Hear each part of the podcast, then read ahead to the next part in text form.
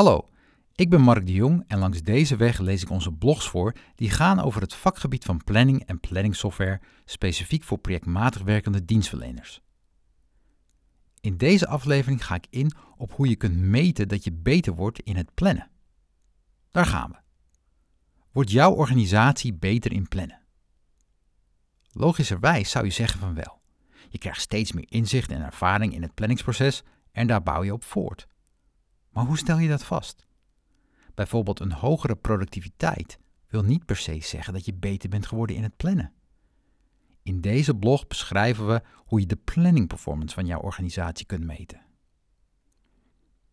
Waarom zou je die eigenlijk willen meten?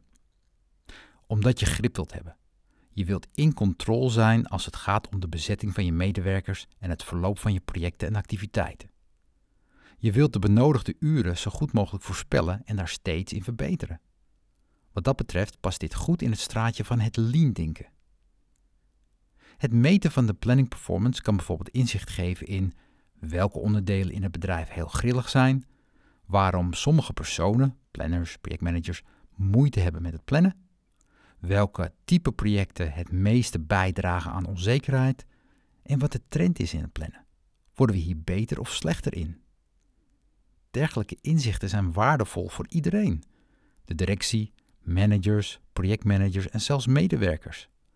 Op basis van deze inzichten kun je besluiten om jezelf anders te organiseren. De uitvoering van grillige projecten kun je bijvoorbeeld in een aparte unit onderbrengen en de stabiele projecten in een unit waar je de bezetting optimaal kan inrichten. Leidinggevenden en projectmanagers die onder de maat plannen, kun je gaan helpen om hun planningsvaardigheden te verbeteren. Medewerkers die continu te veel tijd besteden, kun je helpen om te kijken waar de problemen liggen en hoe je deze met hen kunt oplossen.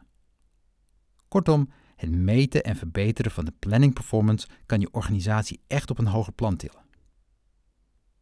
Hoe bereken je het? Om de planning performance te kunnen vaststellen, moet je de werkelijk besteden uren gaan vastleggen. Anders hebben we niets om mee te vergelijken. Verder nemen we als uitgangspunt dat de planningsperformance in een percentage moet worden uitgedrukt. Als je 8 uur hebt gepland en ook 8 uur werkelijk hebt besteed, dan is de planningsperformance 8 gedeeld door 8 is 100%. Heb je 0 uren besteed, dan is de planning performance 0 gedeeld door 8 is 0%.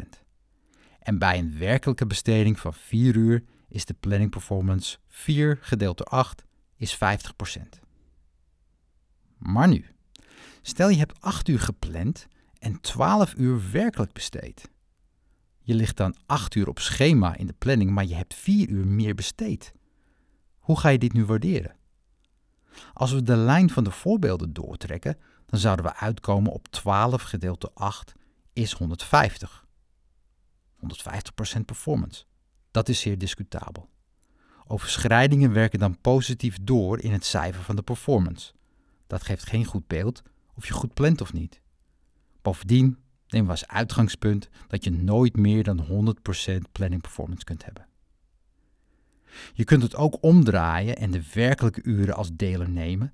Dan wordt de planning performance 8 gedeeld door 12 is 67%. Daar is aan de ene kant wat voor te zeggen, omdat er in dit voorbeeld nu eenmaal meer uren voor nodig waren. Dan hadden die ook maar gepland moeten worden. Aan de andere kant zouden onnodige overschrijdingen, lees fouten, invloed hebben op de conclusie of je wel of niet goed plant. Dat is niet terecht. Dus deze berekening is ook discutabel. Je zou ook het verschil, dus die 4 uur overschrijding, kunnen uitdrukken ten opzichte van de geplande uren. Je krijgt dan een performance van 4 gedeeld door 8, is 50%. Echter bij een overschrijding van 8 uur krijg je dan 8 gedeeld door 8, is 100% performance. Dat slaat ook nergens op. Dus dat is ook niet bruikbaar. De conclusie is dat je overschrijdingen moet aftoppen en niet moet laten meetellen. Je moet simpelweg stellen dat je wilt weten of de geplande uren ook daadwerkelijk gemaakt zijn. Je kijkt dus welke uren conform planning zijn. De planning performance is dan in de volgende gevallen, voorbeeld 1, geplande uren 8, besteden uren ook 8. De uren conform planning zijn dan 8, dus de planning performance is 100%. Voorbeeld 2, geplande uren 8, besteden uren 0. Uren conform planning zijn dan 0, dus de planning performance is dan ook 0%. Voorbeeld 3, geplande uren 8, besteden uren 4. De uren conform planning zijn dan 4, dus de planning performance is 50%. Voorbeeld 4, geplande uren zijn 8, besteden uren zijn 12. De uren conform planning zijn dan 8, dus de planning performance is 100%. En voorbeeld 5, geplande uren zijn 0, werkelijk besteden uren zijn 4, de uren conform planning zijn dan ook 0, dus de planning performance is 0%. Rapportage. Bij de rapportage moet je je niet te veel verliezen in de details. Het heeft geen zin om per post analyses te gaan maken, zoals in bovengenoemde voorbeelden. Het gevaar is namelijk dat je dan conclusies trekt op basis van een paar gevallen. Daarmee bereik je geen statistische relevantie. Het is dus zaak dat je meer kijkt naar het totale per project, afdeling en medewerker. Met betrekking tot de tijd dien je de planning performance ook over een langere periode te beschouwen dan bijvoorbeeld één dag. Beschouw de planning performance over weken en maanden. Op die manier zie je ook de trend. En dat is belangrijke informatie. Worden we beter of slechter in plannen? Je zou de planning performance kunnen weergeven zoals in onderstaande grafiek. De blauwe lijn geeft de planning performance aan, de groene staven geven de uren conform planning weer, de rode staven geven het aantal uur buiten planning weer. Dit zijn besteden uren die dus niet gepland waren. Je kunt aan de hand van deze grafiek zien dat er, ondanks het dipje in de maanden augustus tot en met september, een licht stijgende trend is in de planning performance. De uren buiten planning geven ook waardevolle informatie. Deze wil je namelijk zo laag mogelijk houden. Natuurlijk kunnen deze uren zich in de sfeer van overwerk begeven. De planning performance kan dan nog steeds heel hoog zijn.